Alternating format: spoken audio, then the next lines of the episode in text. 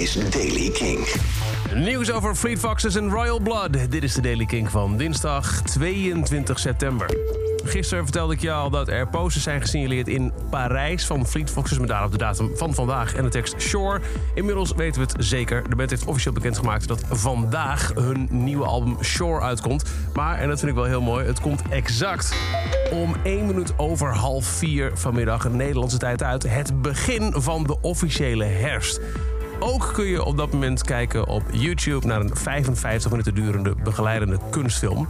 Gemaakt door Kersti Jan Werdal. Kortom, vandaag dus, als de herfst begint, nieuwe muziek van Fleet Foxes. En nieuwe muziek, aangekondigd nu voor donderdag. Royal Blood komt met een nieuwe single. De track gaat heten Troubles Coming en via Instagram hebben ze dit alvast laten horen.